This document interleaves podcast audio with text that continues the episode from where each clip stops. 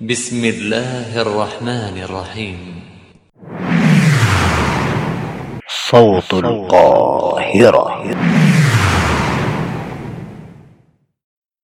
Bismillah. Assalamualaikum warahmatullahi wabarakatuh. Selamat datang di podcast Suara Kairo. Bersama saya Arif Rahman Hidayat dan sekarang telah hadir bersama kita dua pejuang dakwah Bekasi. Eh, ente Bekasi ya, Jabodetabek lah pokoknya. Ke mana-mana lah ya. Pejuang dakwah Bekasi kayak nama kampus, bos. Iya, pejuang dakwah. Iya, iya. Ya pokoknya begitulah. Ada Ustadz Sidik Hakim, Bos Sidik ya. Kemudian ada Ustadz Abu Samah Rizaldi. Hafizahumallahu ta'ala. Eh, kemudian ke pembahasan ini nih. Berkiprah sebelum lulus. Berkiprah dari sejak ente tuh masih kuliah, kayak cuma liburan ke Indonesia, berkiprah. Ente berdakwah lah. Ya bahasanya sih bisa disebut berkiprah ya karena kalau dakwah kan dari jarak jauh bisa. Cuma kalau berkiprah nih emang kayak langsung bersentuhan gitu. Ente mungkin membuat sesuatu atau melakukan sesuatu yang eh, impact-nya lebih besar dari sekedar dakwah mungkin kayak lewat media gitu itu kan masih mungkin semua orang bisa lakuin.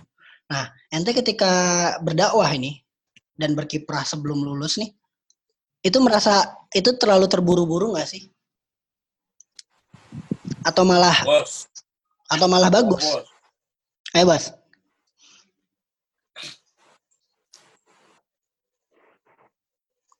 Sidik. Siapa? Oh, Ah, Sidik. Bu nih. Sidik. Iya dong. kalau kalau kalau kata Pak Nasir kan eh, dakwah eh, politik kita itu tergantung dakwah kita. Makanya aneh selalu mulai dakwah kita sebelum aneh memulai politik. Jadi nanti mau membangun apa ya dimulai dari dakwah kan dimulai dari awal. gitu. Memupuknya sebenarnya PII, sih. mantap orang PII. Luar biasa. Jadi Ah, Jadi sebenarnya memupuk mentalnya itu mental dan apa ya ibaratnya pengalaman. Tapi kalau menunggu kapan lagi ya kita bakal gitu terus. Saya Hmm. bilang begitu. Jadi kalau emang telat ya emang telat. Eh kalau emang apa tadi kata Antum eh, Terburu-buru. Terburu-buru. apa ya? Apa? Terburu-buru ya bisa dibilang terburu-buru kenapa? Karena emang eh apa ya istilahnya potensi skillnya itu ya masih segitu-gitu aja tapi kan eh, akses untuk di Indonesia tuh mudah jadi hmm. misalnya kita bisa nanyakan orang yang lebih ini lebih itu lebih hebat lah ibaratnya lebih berpengalaman dahulu gitu yang Mhm. jelas ketika dia siap apa namanya ingin berjuang di suatu tempat ya itu kembali lagi kepada niatnya ya dia Hmm. harus oper oper bener-bener bener-bener hidup matiku ibaratnya buat lembagaku harusnya begitu Mhm. ya gitu. Ya, Abu Mantap. tambahan. Tambahannya apa ya? Eh, kalau anda sih sendiri kan memang dasarnya ketika itu, waktu pulang ya, waktu pulang itu memang Hmm. teman-teman atau keluarga sekitar itu banyak yang bacaan Qurannya karena memang anda fokusnya kepada, kepada baca Qurannya. Mhm. eh, bacaan Quran ini memang perlu diasah. Sementara guru-guru yang afwan, afwan guru-guru yang memang sudah punya sanat. Kadang-kadang mainnya sama guru-guru yang punya sanat juga nih, gitu ya. Hmm. Kalau aneh bener ya, dan kalau aneh pahami gitu. Jadi eh, menyentuh kepada masyarakat terkecil sendiri itu eh, kadang-kadang jarang, gitu. Walaupun Hmm. mungkin ada. Sementara daerah sekitar aneh semuanya adalah orang-orang yang memang perlu pendekatan yang memang eh, secara intens gitu. Alhamdulillah Hmm. jadi kalau misalkan dibilang terburu-buru ya tadi kata kata Ustaz Sidik ya memang terburu-buru, memang sudah terburu. Hmm.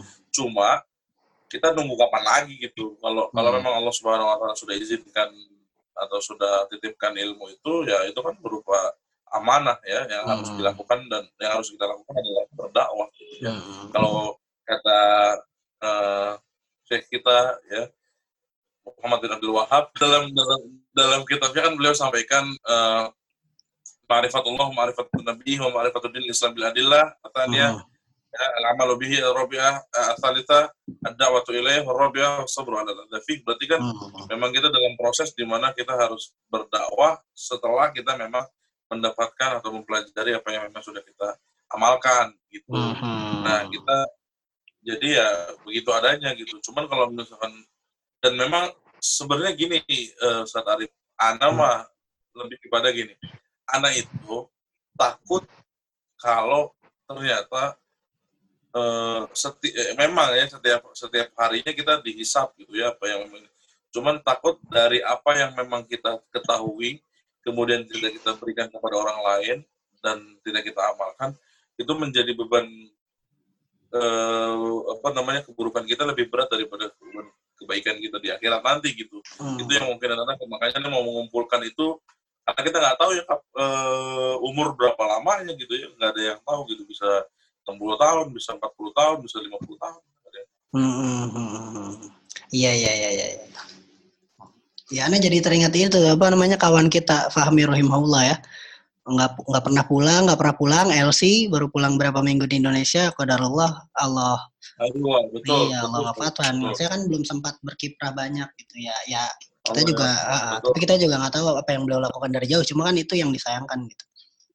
Tapi Betul. tapi Ya tapi itu kita kembali lagi kita nggak tahu, ah, kita nggak tahu umur orang gitu kan. Tapi ya gitu. Jelas? gimana tuh Sidik? Enggak, tadi Fahmi, ya Hmm. Alhamdulillah aneh kalau beliau banyak benar-benar inspirasi anak-anaknya. Itu Ghazali Institute yang di Mesir tuh Mhm. founder-foundernya termasuk beliau juga itu foundernya. Masya Allah. Jadi sebelum pulang ngumpulin para anak-anak itu susah gitu. Itu tapi alhamdulillah beliau itu Masya Allah. Padahal aneh janjian subuh itu pengen ketemu pas aneh pulang Hmm. gitu. Ya, Hmm. Qadarullah. beliau. Baik. Hmm. Nah, bos, gini, eh nih ente kan pada bikin rumah Quran tuh dari dari ente dari tingkat berapa? Tingkat tiga ya? Tingkat tiga ya bikin rumah Quran? Iya, Bang. Tingkat tiga ya? Ya pokoknya tiga-tiga Ya, semua bos. tingkat tiga semua. Nah, waktu bikin rumah Quran atau bikin lembaga-lembaga yang lain juga kan banyak yang selain rumah Quran juga yang lembaganya didirin itu emang karena kesempatan gitu emang karena ada orang yang ini kayak kesempatan aja atau emang ada ada usaha dari antum? Maksudnya antum tuh emang pengen gitu emang pengen atau cuma kayak kebetulan ditawarin orang aja? Jadi ada ada inisiatif dari antum atau emang ya kayak udah disuguhin aja gitu Monggo Usman Fadol Nah, RQ Usman bin Affan Ente dulu dulu nih. yang lebih lebih Enggak, Nggak RQ. RQ Usman bin Affan dulu. Enggak ada yang lebih di sini. Usman bin Affan lah dulu ya. Sama-sama. Nih, yang satu rumah Quran, yang satu teras Quran, yang lebih gede kan rumah dong. iya Yoi. itulah itulah teras petakan. Teras petakan. Itu rumahnya ada, cuma penghuninya nih belum ada gitu. Nah, kacau. Tadinya sebenarnya aneh, tadinya kan aneh ngajar di salah satu sekolah gitu. Akhirnya aneh bilang, ah, aneh bilang aneh ngapain sekolah ngurusin sekolah kalau aneh di apa namanya di sekolah kerjanya ngomongin yayasan terus aneh bilang gitu. Akhirnya aneh aneh tadinya suruh bantu tiga bulan, aneh bilang, aneh bilang, aneh nggak mau ada kerjaan di atas kerjaan, aneh bilang begitu. Nah ketika itu waktu itu masih jadi banyak ibu-ibu yang pengen buka, pengen diajarin tahsin, kemudian apa pengen bapak-bapak. Ya alhamdulillah, aneh bilang, ya aneh siap lah, maksudnya pengajarnya kita kita dulu gitu. Hmm. Tenaga pengajarnya masih keluarga. Nah kemarin itu udah semua dibawa ke Mesir, jadi ya baru udah vakum lama lah. Jadi ya ini lagi merangkak kembali gitu, men- menanam rasa dan asa dan cita, buat serta cinta, buat Aduh. gitu. Aduh, ya. Jadi intinya Allah keputus. Jadi intinya itu kesempatan atau ini atau inisiatif. inisiatif kalau aneh sendiri pribadi. Inisiatif. Karena kalau aneh sendiri gitu, kalau aneh pribadi kalau mau buat itu gampang, sangat gampang, bos. Mhm. Yang penting itu setelah berbuat itu mau apa, mau dikemanain. Oh iya iya. Ya, Bikin aneh sesuatu itu tuh dua- gampang, dua tapi kali. sehabis itu mau dibawa ke mana yang susah. Iya, aneh dua hari sama Hamdan rapat sama Hamdan ininya Hmm. Ustaz Yazid itu dua hari aneh bilang aneh cuma udah aneh nyari dana gitu. Eh, Mhm. antum bikin eh, bikin silabusnya, kurikulumnya dan lain sebagainya. Dua hari itu langsung aneh c- buka, aneh cari murid, dapat duit banyak gitu. Aneh bilang, aneh bisa nyewa ruko, aneh bilang bisa beli peralatan semuanya begitu. Tapi ya Hmm. kemarin mandek ketika aneh udah di Mesir, jadi nggak ada yang handle, nggak ada yang di sana Hmm. begitu. Jadi emang bener bener yang tadi kembali lagi terburu-buru kalau kata orang tua kan nanti aja bang nanti aja mas Hmm. gitu ya udah kita emang namanya jiwa muda lah masih Hmm. jiwa ini masih mendengar ya pengalaman bener memang pengalaman orang tua yang Hmm. udah makan manis manis Hmm. asinnya kehidupan Hmm. tuh Mhm. Tapi berarti inisiatif itu ya. sih bos inisiatif Masya Allah. Nah ini nih, kalau yang punya teras nih, terasnya gede banget tapi sekarang udah meluas ke mana-mana, Masya Allah. iya terasnya udah di masjid ya. Ya Rob, ya Rob. Oh, oh, terasnya sampai ke puncak lah, terus sekarang ke Bogor. Iya nih aduh keren banget Kalau Ana sendiri ya itu kemarin saat apa apa namanya yang Ana kemarin sudah sempat mau dimain. Jadi Hmm. memang teras Quran sendiri ya karena memang belajar di teras Pak. Hmm. Kita belajar di teras, kita ngobrol-ngobrol di teras, terus ada anak-anak hijrah nih, ada anak- anak-anak hijrah yang memang belum belajar Quran gitu kan. Hmm. Mereka semangat banget nih ngebahas tentang hukum-hukum, tapi nggak bahas tentang bagaimana cara membaca atau mem- mempelajari hukum itu sendiri gitu kan. Mhm. Akhirnya kita lah ngobrol-ngobrol. Kemudian eh qadarullah gitu ya, ini memang sebagai qadarullah. Terus, eh, eh, saat itu memang oh, ibu lagi sakit, ibu saya lagi sakit. Di saat yang bersamaan berarti kan di situ juga saya harus nyari apa namanya bagaimana sumber pemasukan gitu. Karena kan nggak mungkin dong jualan ayam crispy gitu ya karena jangan sudah sudah. Ya sudah banyak lah pak gitu jualan ayam crispy di sini ya kan? Ah, udah ada Sabana, Sudah, udah ada. KC- KCF. Betul. Banyak ya gitu. Akhirnya anda anda putuskan untuk ngobrol sama ibu dan anda bilang kita bikin aja eh, tempat belajar atau lembaga tahfiz gitu ya. Nanti sedikit sedikit gini gini gini karena memang anda belajar juga kan anda dulu kan pernah jadi manajernya di IAC kayak gitu Mhm. ya Hmm. ya walaupun nggak tahu sekarang dianggap apa enggak cuman yang penting pengalaman gitu ya Hmm. cuma eh, apa namanya di situlah anda belajar oh eh, kita bisa ngebangun lah orang uh, pembangunan kayak gini-gini tuh yang penting ada orangnya dan memang ada yang memang berjalan insya Allah dan anda harus 24 jam di, di sini gitu Hmm. udah terus akhirnya berjalan waktu satu tahun eh nggak sampai satu tahun sih enam bulan enam bulan kita buka terus ada angkatan pertama karantina tahfiz Hmm. itu kemudian lulus selesai itu semua ya Hmm. biasalah eh, pasang surut kemudian habis itu angkatan kedua angkatan ketiga yang nanti insya Allah bulan September akan wisuda ya sampai saat ini akhirnya Allah pertemukan dengan banyaknya orang-orang baik yang memang mendukung gitu alhamdulillah jadi memang insya Allah rencananya Teras Suran ini bakal jadi pesantren tahfiz gitu. Hmm. Masya Allah. Rabbuna Yusahil, Rabbuna Rabbuna. Rabbuna, Ya Rob, ya Isaidak ya Basya, Insya Allah. ya Salah ya ya, Iya. Nah ini kan sekarang berarti udah pada udah pada wah pendiri yayasan ya kan, mainnya di yayasan, udah berkiprahnya udah eh, namanya ter, ter apa namanya tertulis di pamflet-pamflet kegiatan rumah Qurannya gitu. Ya bisa dibilang pendakwah lah. Bisa dibilang pendakwah, bisa dibilang se- seorang tokoh. Nah, kalau biasa seorang tokoh ini suka banyak yang meninggikan gitu loh suka banyak yang orang-orang yang terlalu berekspektasi lebih sama kita meninggikan kita di mungkin di atas yang semestinya gitu. Nah gimana sih cara nyi- nyikapin orang yang terlalu meninggikan kita? Apalagi kan ini timur tengah timur tengah nih biasanya kan ada beberapa orang-orang yang juga silau terhadap background kita yang dari timur tengah gitu kemudian meninggikan kita ngasih ekspektasi lebih gitu. Gimana cara nyikapinnya? Iya. Gimana bos Nih Abu Same, gimana Abu Same? Saya mah nggak pernah ditinggiin sebenarnya. karena karena nih ah ditinggikan karena di rumah sendiri ya abang ada lulusan Madinah, lulusan Lipia, ada yang lagi S2 di Lipia, Mhm. ada yang baru tuh baru nikah lulusan Madinah. Ya Mhm. kita mah lulusan Mesir mewarnai sebenarnya. mewarnai ya enggak lah tetap ada lah pasti kalangan-kalangan enggak tetap ada lah pasti kalangan-kalangan masyarakat yang akan maksudnya nggak terlalu kenal kita juga akan melihat kita wow gitu tersilaukan lah pasti terus meninggikan kita secara berlebih gitu kan pastilah pasti bagaimanapun itu lulusan Mesir bos Coba coba gimana Iya. cara menyikapinya bos? Nyikapinnya ya ya sebenarnya nyikapinnya ya kita bilang kita sama aja gitu. Ente lulus apa ya? Potensi di Mesir Anda bilang maksudnya nyikapinnya gimana, Bos? Abu Same gimana nyikapinnya? Aku bingung. Anda belum pernah di- ngerasa ditinggiin apa kayaknya diremehin mulu bagaimana sih bos?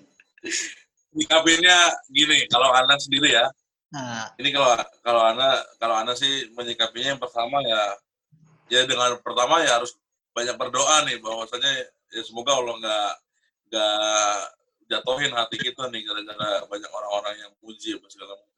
Cuma yang namanya muji apa segala macam tuh ada ya, cuman yang memang harus ditekankan sama kita memang tujuan tadi gitu, tujuan dakwah kita.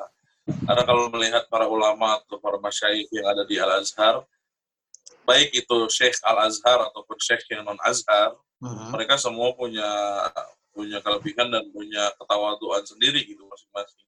Mhm. Kan kita nggak jarang sering duduk di majelis ilmu yang padahal Syekhnya itu tinggi sekali ilmunya gitu. Nah itu yang memang mereka mereka orang-orang yang luar biasa ilmunya saja nggak ada yang memang nggak ada yang benar-benar terlalu jomplang lah gitu.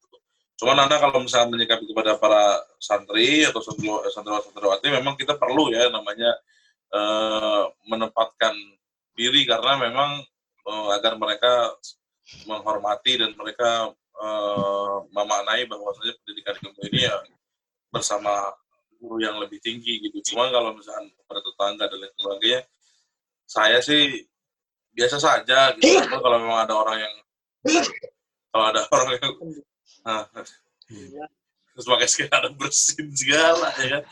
Pakai face shield dong bos. Alhamdulillah, alhamdulillah. ya Allah ya.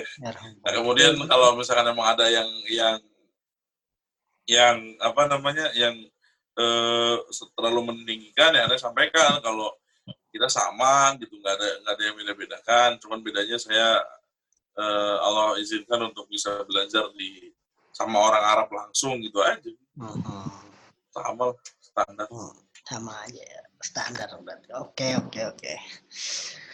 Aneh, aneh seperti yang aneh bilang waktu di podcast itu, aneh bilang ya kita sama aja begitu.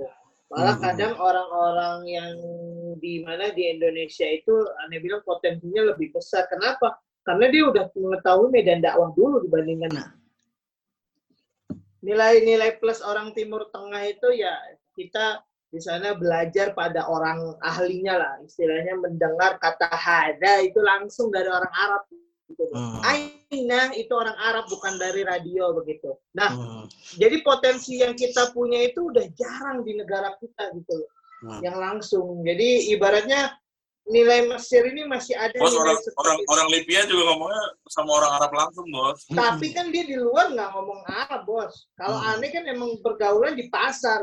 Eh, Hmm. apa? kita di luar ngomong V nih baca Gini, makanya. antum nanti Enggak, makanya gini kalau Anang lihat orang tuh punya punya punya genre masing-masing, punya kapasitas masing-masing. Jadi punya slot-slot slotnya beda-beda dari segi milih tempat belajar sampai output nanti pas sudah berkiprahnya juga ya beda Hmm. gitu. Itu sih. Jadi nggak bisa nggak bisa saling Beda. meninggikan atau merendahkan gitu.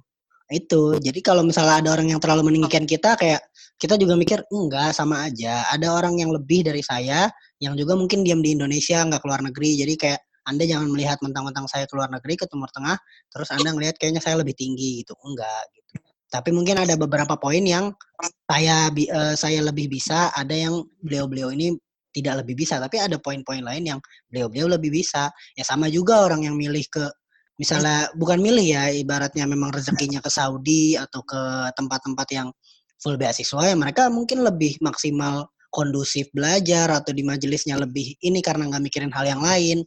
Dan akhirnya outputnya mereka lebih maksimal juga ketika di majelis gitu mungkin. Tapi kurang misalnya di lapangannya. Ya kembali lagi itu juga kembali ke pengalaman orang juga kan. Beda-beda pengalaman orang eh kan? di lapangan juga pada bagus-bagus yang iya yang di Madinah juga banyak yang bagus-bagus di lapangannya iya dan dan itu juga Apalagi kembali lapangan tawaf waduh Enggak, tapi gini, ya itu juga berarti kembali kita di mana pun kita intinya juga kembali ke kapasitas kita masing-masing kan. Mau mau mau keluar dari sama-sama dari Mesir pun beda-beda bentuknya kan. Ini aja kita bertiga beda bentuknya, anak sendiri beda. Nih. Yang dua orang besar, Iya, anak bener. sendiri orang kecil. Itulah makanya. Ya badannya, badannya. Aduh, itu beda urusan. Ya, nah, ya, Itu beda urusan.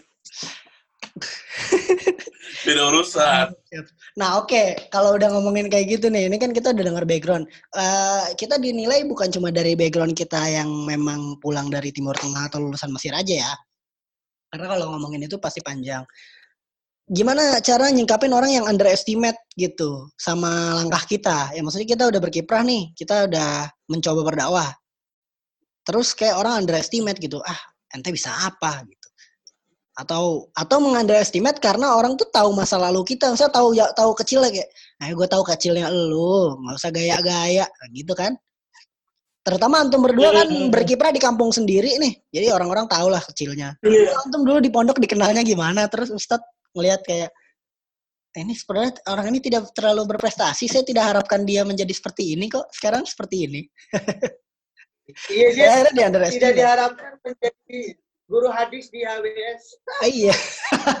ya enggak ya makanya, tapi kan gitu ketika orang loh, kok ente kok begini tiba-tiba ada di posisi ini gitu. Akhirnya orang underestimate kan. Nah, gimana cara cara meng- meng- apa menyikapi orang-orang yang underestimate kita?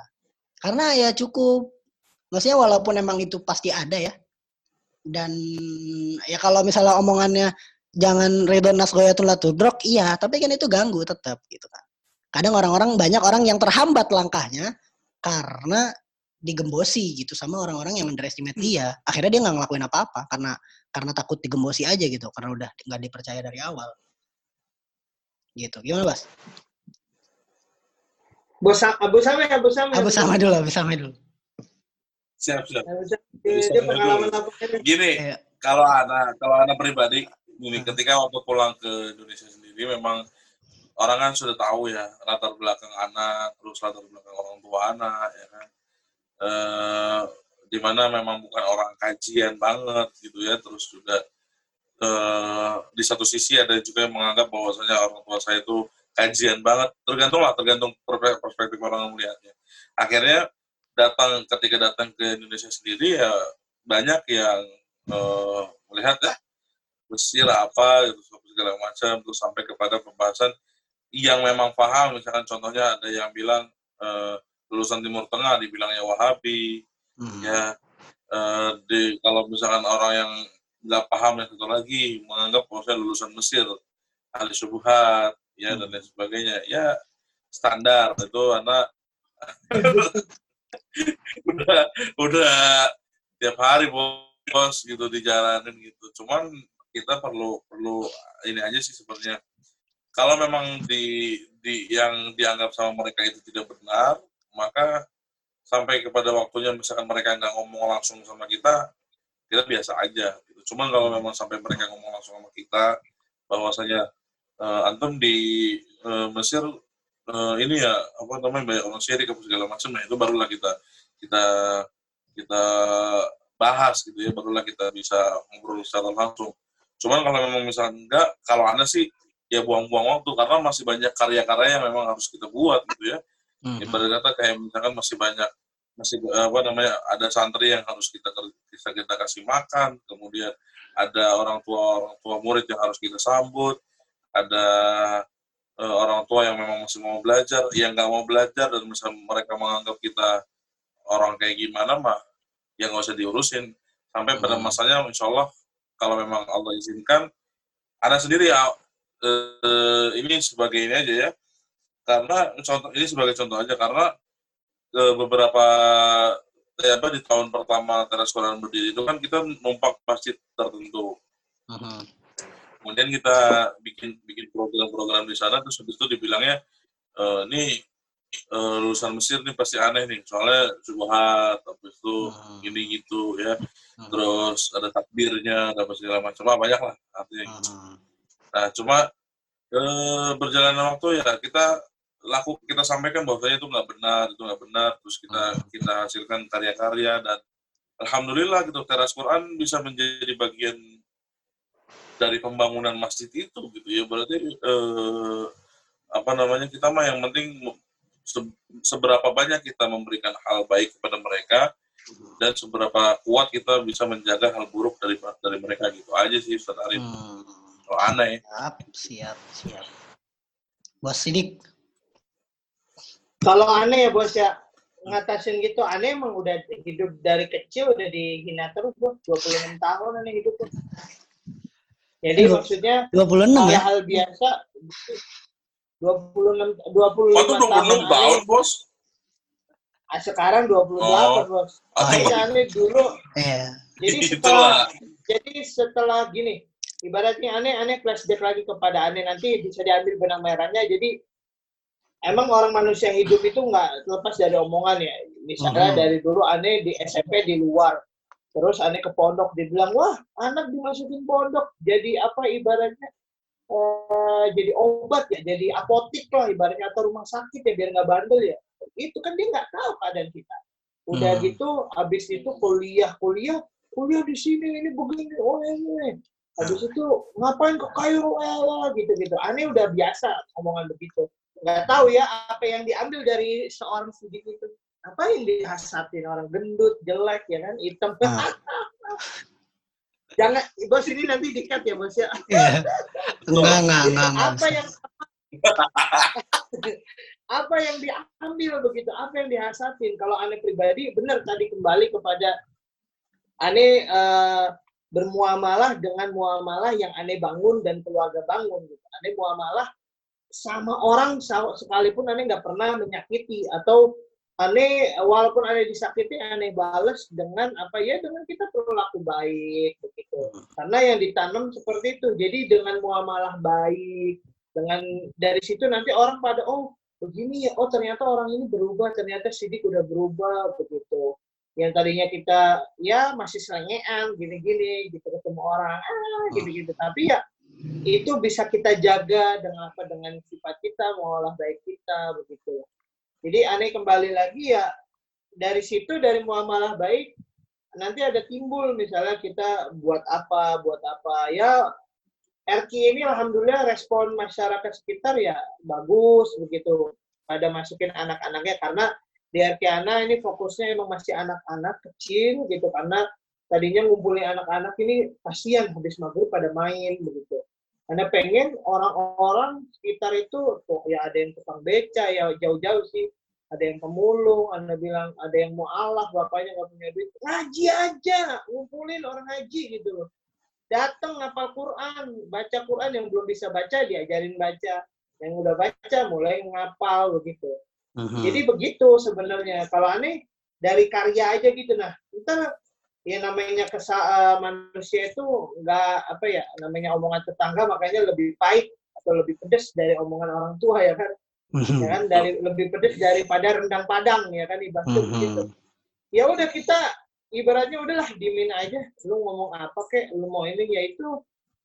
Emang pada aslinya nggak nggak tuduhan yang lu sebutkan nggak ada pada diri gua dan keluarga ibaratnya begitu. Mhm. jadi ya udah jalanin aja namanya hidup dijalanin yang penting Mhm. kita nggak pernah nyakitin orang berbuat ini orang begitu bos Mhm. kalau aneh Mhm. pribadi yang aneh dari pengalaman ya. Mhm. Oke oke. Ya intinya jangan ambil pusing ya berarti. Jangan ambil pusing, jangan diperdulikan dan ya jangan sampai itu ngehambat langkah kita lah. Mau Iya, di estimate gimana pun. Karena banyak tapi kan banyak orang bos. Tapi kalau ada juga yang memang bukan bukan mengaitkan ya oke lah kalau misalnya yang dituduhkannya tuduhan sekarang berupa fitnah itu mah memang tidak jadi bisa jadi tidak fakta. Misalnya antum lulus dari sini ah, antum bermasalah. Itu memang bukan fakta. Itu mungkin kita bisa nggak ambil pusing. Cuma ada orang-orang yang misalnya kenal kecilnya kita gitu, terus kayak mereka mengaitkan kita dengan kita yang di masa lalu gitu. Maksudnya kayak, oh dulu waktu kecil ente nggak berprestasi, ente orangnya lelet, apa-apaan sekarang ngajar hadis, emang ente paham rawi misalnya gitu kan? Nah ini kan eh, tapi bu tapi aneh terlalu bu- buktikan dengan dengan dengan apa ya tadi dengan kita uh, sama berbuat baik sama mereka jadi pendekatan person itu lebih benar lebih lebih baik jadi ketika orang oh tahu nih biangnya dia kita ngobrol apa yang pelukan kita ajak ngobrol Oh, kita iya. tegur gitu jadi dari situ benang orang itu ketemu nih. oh Oke. ternyata Iya, jadi Mas Sidik ini enggak lu enggak begitu udah berubah. Hmm. Karena itu dari omongan orang itu, omongan tetangga gitu, kayak kayak iklan itu iklan tetangga tuh emang iklan gratis begitu. Hmm. Dari mulut ke mulut begitu. Hmm. Ya itulah aneh aneh selalu ya kalau emang dia ini ya kita buktikan. Nah, Lu duduk di majelis gua, ibaratnya gitu. Lu Hmm. dengerin gua yang sampaikan. Kalau Hmm. gua nggak bisa ya gua manusia, gua cari Hmm. begitu. hmm. Selama ini begini. Asik. Jadi intinya- salah, ya Intinya buktikan buktikan dengan akhlak dan karya ya. Nih dua orang ini kayak dari Iya. ngomongin karya nih. Jadi buktikan dengan akhlak dan karya ya. Kayak akhlaknya bener, Iya. udah insya Allah orang nggak akan nggak akan apa menghilangkan eh, zone-zonenya terhadap kita, Hmm. underestimate-nya. Kemudian Soalnya ya- mau nunggu sampai kapan pun nggak akan selesai-selesai saudara. iya iya iya. iya. Mereka nggak akan nggak akan pernah selesai untuk menilai kita buruk karena memang Iya. ya bagaimanapun gitu. Nggak ada Hmm. Redonas goyatun misalkan latu drop. Sampai contoh nih Afwan. Sampai ke teras Quran mau bikin pesantren di Parung aja. Mhm. Terus sampai terus ada yang ngomong gini. Ini ini omongan ke orang ya. Ada aneh dengar dulu. Yaudah deh buru-buru buru-buru pergi katanya begitu. Bahwa apa namanya eh, eh, orang-orang jadi pada belajar yang eh, apa namanya yang gini-gini gini lah ibarat gitu gitu. Karena kan nggak ada yasinan di sini kan nggak ada yasinan nggak ada tahlilan. ah. Gitu. Terus Iya. Ya terus udah anda ya apa terus anda bilang apa urusannya orang rumah-rumah aneh ya kan kenapa disuruh pergi aneh Ah. juga orang-orang itu ya sulit Iya iya. sampai pokoknya gini selama mereka nggak ngomong langsung ke kita Mhm. ya selama mereka nggak ngomong langsung ke kita nggak ada nggak ada nggak ada hal yang memang harus dipikirin soalnya Mhm. kalau misalnya mereka ngomong langsung ke kita nah itu baru Iya. ampol ampol Tapi kan iya maksudnya intinya ya selama impactnya juga nggak terlalu memadorotkan kita ya. Karena kan kalau cuma omongan mah ya udah gitu. Apalagi omongan di belakang mah ya udah juga gitu kan. Tapi kan ada juga yang kejadiannya orang sampai persekusi gitu. Maksudnya karena karena underestimate atau enggak karena eh, zone-zone yang tidak bagus, kemudian orang-orang tertentu dipersekusi dari daerahnya. Ada juga yang gitu itu dan itu terjadi kan? terjadi Terjadi dong. pokoknya harus kuat lah Anda Anda nggak boleh ngisi di masjid ini. Anda nggak boleh ini. ya kan? Jangan ngajar di sini. Gitu. Padahal cuma dari zone gitu, bukan dari dari prasangka gitu, bukan dari sesuatu yang fakta gitu. Mereka nggak mau buktikan dan malah mempertahankan prasangka itu dan ngebuat kita jadi ya dirugikan dong. Kalau udah sampai persekusi dirugikan dong gitu. Dulu ya. mulai juga belum udah dipersekusi ya Hmm. Jadi baru udah nggak bisa membuktikan gitu kalau udah kayak gitu. Kalau tadi bilangnya di membuktikan. di masjid aneh ada di sekitar masjid aneh Mhm. nah, itu gini si ustadznya ini nggak nggak ada background apa apa Mhm. nah muncul ustadz-ustadz baru Mhm. di salah satunya anak lah ya muncul ustadz baru orang Libya orang eh, Maroko orang Sudan orang Yaman ya kan Hmm. muncul nih ya kan kemudian bilang lah sama orang DKM kalau orang itu tuh kalau nggak ini nggak sikoh lah nggak kayak orang-orang nggak kayak orang Madinah. Sementara anaknya di Sudan pak. Mhm. sementara anaknya di Sudan. Ya kan? Mhm. saya khawatir anaknya dipersekusi juga. Pas pulang nggak boleh ngisi anaknya. Apa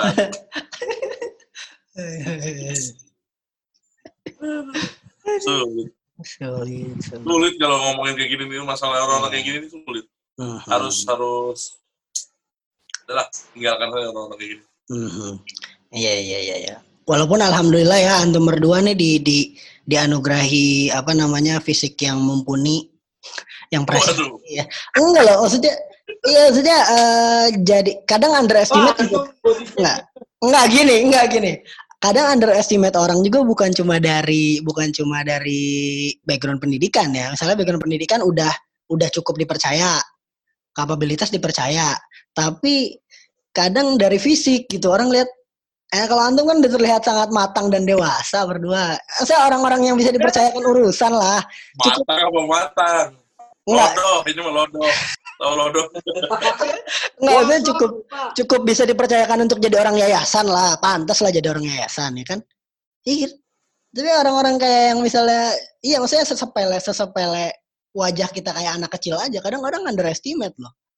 oh, ustadz nggak jenggotan itu orang underestimate gitu gitu itu kan hal-hal kecil Ya, yang makanya tadi Pak harus kuat, harus kuat. Kita tuh harus kuat dua. Yang pertama pemahaman kita harus kuat. Ya kalau misalnya emang diserang dari satu tek tek tek tek, tek gitu, berarti kita Hmm. kita udah pakai jurus sembilan naga ini. Hmm. Ya. Nah di satu sisi kita harus kuat juga dari segi eh, fisik dan mental. Mhm. Itu udah paling penting gitu. Karena kalau misalnya itu enggak down dah. Ini ada lulu- ada lulusan pesantren Pak di sekolah di tempat sini. Imam dia. Salah di Al-Fatihah, dikatain sama orang. Kagak mau